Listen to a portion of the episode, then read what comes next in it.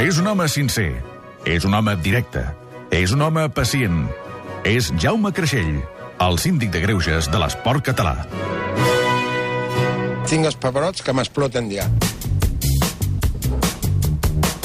Que em diuen, Jaume, que tenim molts oients a Eivissa i a Palma i que avui no ens poden escoltar. Tu, que hi ha algun problema. L'estem Pues, arreglant? Hem de mirar-ho, això hem de mirar-ho, perquè hi ha molta gent. I a Mallorca, a Mallorca, jo van anar uns dies els meus tios meus a dinar en un puesto, resulta que van parlant del bars i així, ens va sortir el restaurant Gat, Gata, de, de Solla de Mallorca, que jo no sé on és, ens sí. escolten sempre, Sí? cada migdia, Home. cada migdia, perquè és l'única emissora que es, i els agrada molt el programa, i escolten, n'hi ha una, dues n'hi ha, que, que s'escolten d'aquí. La nostra ens l'escolten sempre. Doncs uh, des d'aquí els enviem salutacions i res, que estem intentant arreglar aquest problema. Jaume, avui com vens? Vens, vens més tranquil. Potser aquesta setmana ha sigut més tranquil·leta, no? No, si jo sempre estic igual. El que Home, passa no, hi ha clar, setmanes que ens vens una mica... Quan És comences- sí, sí que és veritat. Esverat no, què vol dir això? De que això, quan hi ha bròquil, hi ha bròquil. Ara estem una mica tranquils. Ara el bròquil, com que no n'hi ha gaire, el pintem una mica i el disfressem nosaltres. Uh, aviam, que, que Sílvia la nova, que sí que... Tranquils, home, el que hem de mirar, aviam qui fitxen, si en fitxem... Només en necessitem dos o tres, i estem tranquils, estem tranquils, perquè l'altre dia vaig fotre l'equip que tenim amb el que puja i tot el que hi ha. Me cago en cony, però si fotrem un bròquil una altra vegada aquest any, ja ho veureu. Tenim molt bon equip, eh? Ojo, només que recuperem a l'Alves, el Piqué, el Villa. I qui hi havia més que estava una mica fumodot?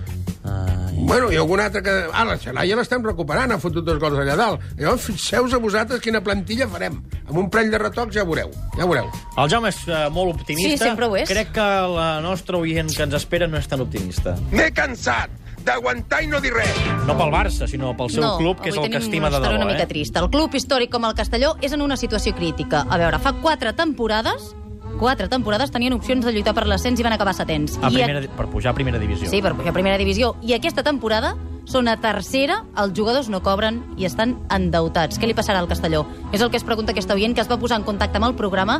És la Pilar Moliner, presidenta de la Federació de Penyes del Castelló. Pilar, bon dia. Hola, bon dia. Esteu cardats, cardats a Castelló. Com heu arribat fins a aquesta situació? Un club tan històric està a tercera i no saber si l'any que ve jugareu o no jugareu. Pues la verdad es que desde, desde 2005 ha sido, ha sido un caos desde que lo compraron Antonio Blasco y José Manuel, José Manuel García Osuna y mira, pues de estar hace tres años prácticamente para subir a estar en tercera y a punto de la desaparición por las deudas que tienen en la actualidad. I eh, aquesta mala gestió es concreta en vendre jugadors, però a més a més vendre jugadors que són representats pels mateixos directius. És una cosa una mica estranya.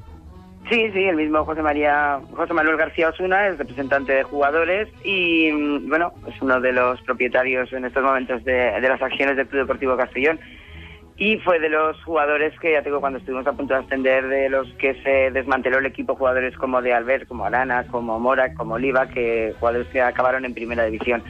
Y a partir de ahí fue el declive, del- declive del Castellón y, y la desesperación en la que estamos ahora, que nos quedan veintipocos días y, y a punto prácticamente de, desaparecer por culpa de ellos, por Y- García Osuna y por Antonio Blasco. Però, escolta'm, a, a Castelló sou molts socis, no? És a dir, que és, és un club que té una base social com perquè es pugui solucionar si realment aquests senyors ho estan fent tan malament.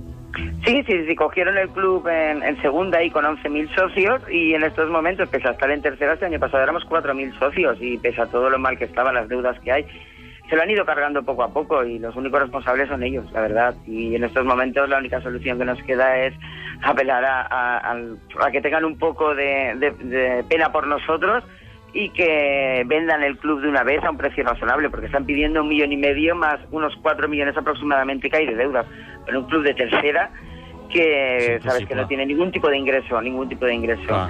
Queremos que lo suelten porque lo tienen totalmente secuestrado. Jaume, és una pena, no? Un club històric com el Castelló, tan a prop de casa nostra, que, que estigui en aquesta situació, eh? Hombre, Pilar, mira, soy Jaime Creixell. Yo lo conozco esto bien porque yo he venido a jugar aquí con el San Andrés, con el de entrenador, con el Manlleu, con, el- con la Gramanet. Y es un equipo que llenabais el campo, era terrible, ¿no? Una presión y el campo lleno. Todo lo que ocurre con esas empresas cuando cogen lo que, y ponen jugado y todo esto son porque los tienen parados y para tenerlos parados les dan un sueldo y entonces cogen un equipo ¿eh? y los hacen jugar. Entonces, mal asunto. Y la deuda que tú has dicho ahora, antes hablando con Laia, he dicho, no es que de que era un millón, un millón y pico eh, que pierde él, esto es lo que él se ha puesto medio millón, pide un millón, es un decir, y lo otro, entonces sale, que si seguridad social, que si lavandería, que si Hacienda, que si Pepe, que si Juan, y son los dineros que aún debe también este club.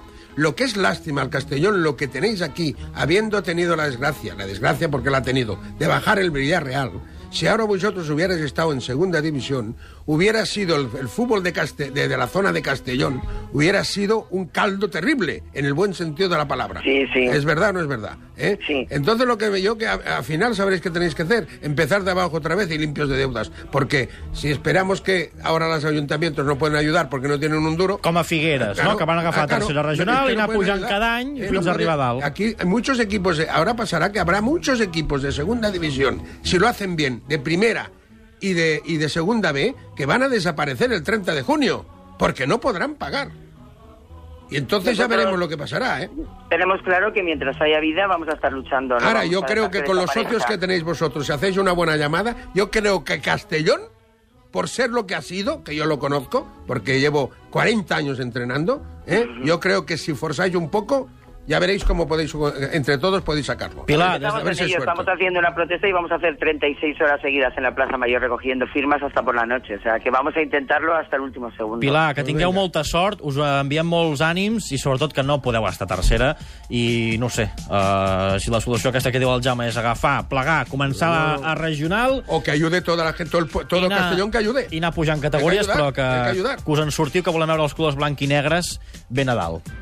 Muchísimas gracias. Un doncs saludo. uh, enviem la salutació a la Pilar i a tota la gent de Castelló, que ens consta que, uh, de fet, a mi al Twitter m'han arribat diversos missatges sí, que es van de, posar en de contacte seguidors. amb nosaltres a través dir del que- Twitter del Tenim un punt. Ja ho sabeu, eh? si teniu queixes per en Jaume, ens les envieu al Twitter o bé per correu a l'adreça de sempre, que és punt arroba catradio.cat. Doncs això és el que volem solucionar, aquests petits problemes.